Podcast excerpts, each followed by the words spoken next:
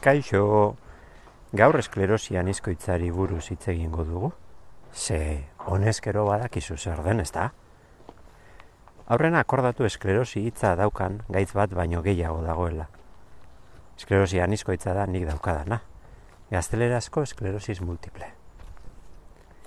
Eta ez nahaztu helarekin, alboko esklerosi amiotrofikoarekin, desberdinak dira, niretako zorionez.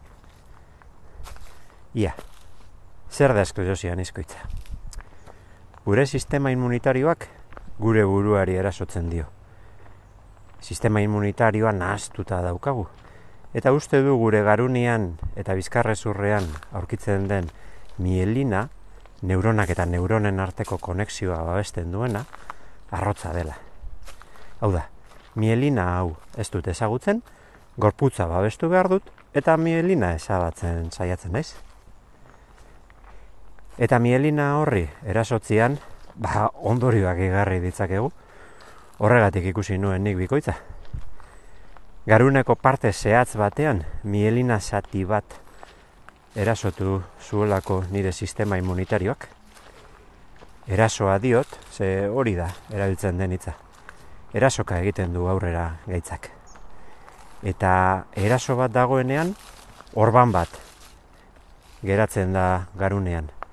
Hori da, erresonontzian medikuek bilatzen dutena. Oraingoz kaltetutako orban hori ez da osatzen, ez dakiten nola osatu. Mielina ez da itzultzen, konexioa ez da berrez hartzen. Naiz eta gure garuna, listoa den, uste duguna baino gehiago, eta neuroplastizitateari esker, beste bide berri batzuk erabiltzen dituen, lehengoak ez duenean funtzionatzen laborategian lortu dute gaitza sendatzia. Eta iritsiko da egunen batean gugana. Gora, zientzia. Baina ez naiz horren zain bizi. Mila da zenbaki klabea esklerosia anizkoitzan. Mila lagunetik batek daukagu. Ojo, ez gara gutxi, eh? Eta mila aurpegiko gaitza deitzen diote. Ze pertsona bakoitzari modu zehatz batean eragiten dio. Ni bikoitza ikusi nuen, baina beste batek eskuetako sentikortasuna galduko zuen, edo ezingo zuen oinez ibili, auskalo. Eta eraso horretatik errekuperatu zaitezke, edo ez. Osorik partzialki, edo zero patatero. Nik eraso bakarra izan dezaket nire bizitzan zehar, eta ark bata bestearen ostean, gainbehera amaigabean. Horregatik, Ez zaidu gustatzen niko katzea kolektibo baten adibide moduan. Mila esperientzia daude eta ni mila horietatik bat naiz. Batzuk gainbera oso azkarra daukate, eta beste batzuk mendian gabiltza, korrika.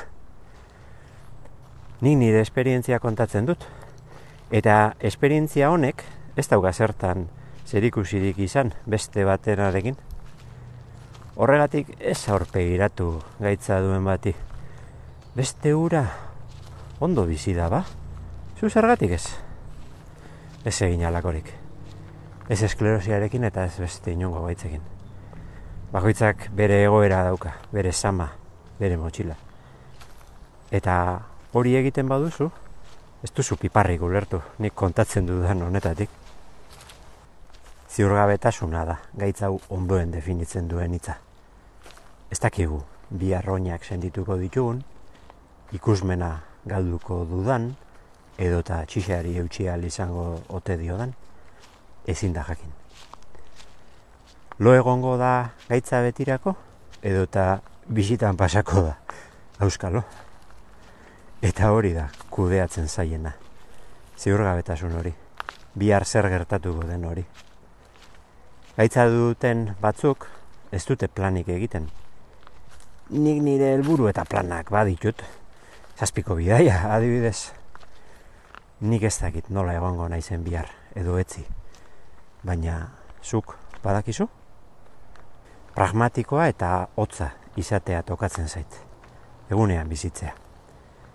Gaur oso ondo nago. Bihar zer gertatuko den, auskalo. Eta ez dut etorri daitekeen eraso horri begira bizi nahi. Ez dut beldurrez bizi nahi eraso hori etorri daiteke, edo ez.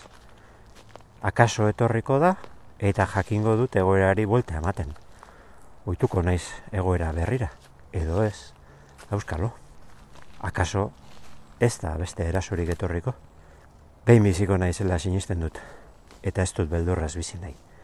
Aldudan gehien gozatu nahi dut. Bidean zerbait ikasi dudala iruditzen zait. Baina horri buruz, urrengo kapituluan hitz egingo dugu. Eskerrik asko horregotearen.